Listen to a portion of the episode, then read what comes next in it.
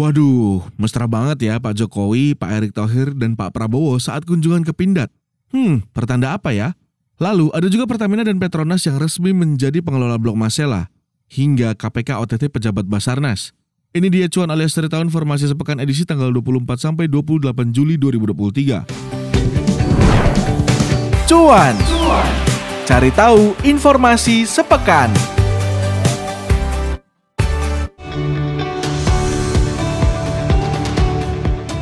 Pertama ada Presiden Joko Widodo yang terlihat mesra dengan mengajak Menteri Pertahanan Prabowo Subianto dan Menteri BUMN Erick Thohir dalam kunjungannya ke Pindad, Malang, Senin 24 Juli.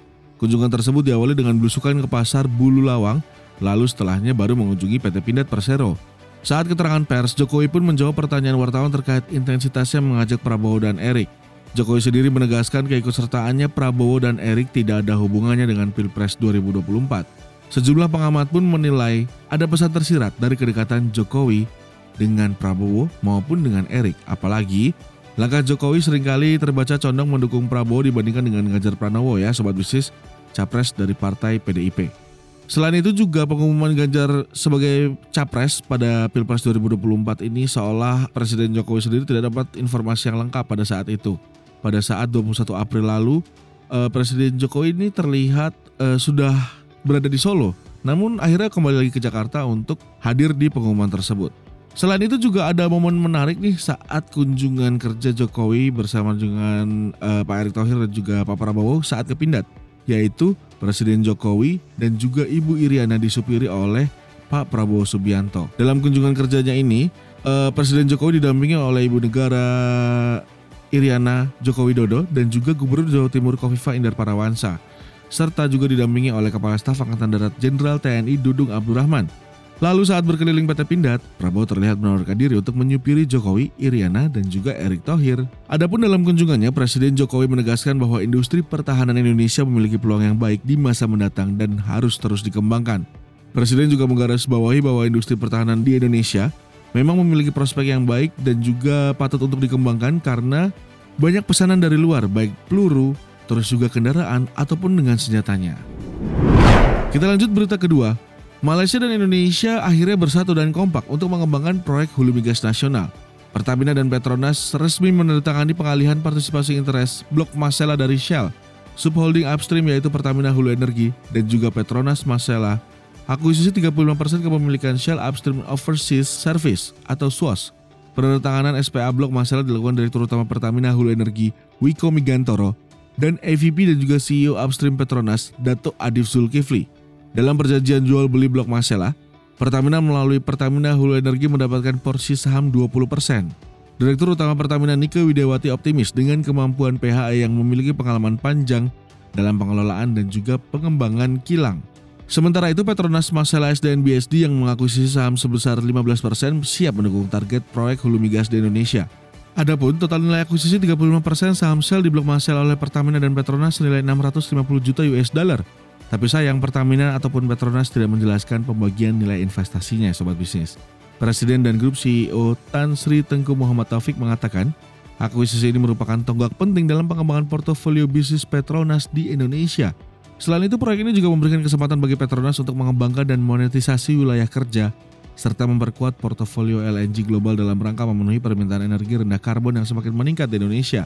Selain itu, Pertamina dan Inpex juga melakukan penandatanganan Memorandum of Understanding atau MOU on Strategic Partnership Marcella Block Development.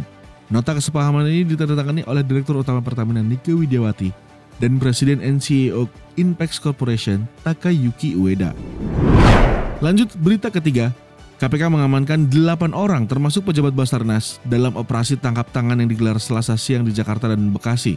Penangkapan tersebut diduga terkait suap pengadaan barang dan jasa di Basarnas RI tahun anggaran 2023.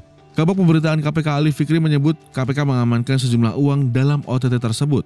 Selain itu KPK juga memaparkan bahwa Marsdia Henry Alfiadi sebagai salah satu tersangka dalam kasus dugaan suap pengadaan barang dan jasa di Basarnas tahun anggaran 2021 hingga 2023. Selain Henry, KPK menetapkan empat tersangka lain, yakni Korsmin Kabasarnas Letkol Afri Budi Cahyanto sebagai penerima suap dan Komisaris Utama PT Multigrafika Cipta Sejati Mulsunadi Gunawan Direktur Utama PT Interteknografika Sejati Marilia, serta Direktur Utama PT Kindah Abadi Utama Roni Aidil selaku pihak swasta pemberi suap. Kabasarnas Henry Alfiandi dan bawahannya Letkol Afri Budi Cahyanto disebut KPK menerima suap sekitar 88,3 miliar rupiah dari beberapa vendor pemenang proyek di Basarnas. Berdasarkan hasil penyelidikan KPK, Basarnas melaksanakan tender untuk sejumlah proyek sejak 2021 hingga 2023 Proyek pengadaan tersebut meliputi alat deteksi korban reruntuhan senilai 9,9 miliar rupiah, pengadaan public safety diving equipment 17,4 miliar rupiah, serta ROV untuk KN Sarganesa multi years 2023-2024 senilai 89,9 miliar rupiah. Tersangka Mulsunadi, Marilia, dan Roni selaku pihak swasta diduga mendekati Kabasarnas dan orang kepercayaannya yaitu Afri secara personal supaya dimenangkan dalam tender tiga proyek itu. Hingga kesepakatan pun tercapai antara para pihak tersebut. Henry diduga siap mengondisikan pemenangan proyek kepada tiga perusahaan tersebut dengan imbalan fee sebesar 10% untuk dirinya. Teknis penyerahan uang dari tiga pengusaha itu kepada Henry maupun Afri diduga menggunakan istilah teknis dana komando alias DAKO. Pihak KPK sendiri menyebut nantinya kasus tersebut diselesaikan oleh tim gabungan penyidik KPK beserta tim penyidik Puspom Mabes TNI. Sedangkan tiga tersangka sipil yakni Marilia, Roni Aidil, dan Mulsunadi proses hukumnya tetap akan ditangani oleh KPK.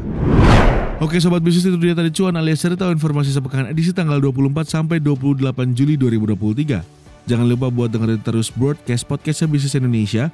Jangan lupa juga buat follow broadcast lewat platform kesayangan Anda. Bisa lewat Apple Podcast, Google Podcast, ataupun Spotify. Dan juga follow Instagram broadcast di @broad.cast.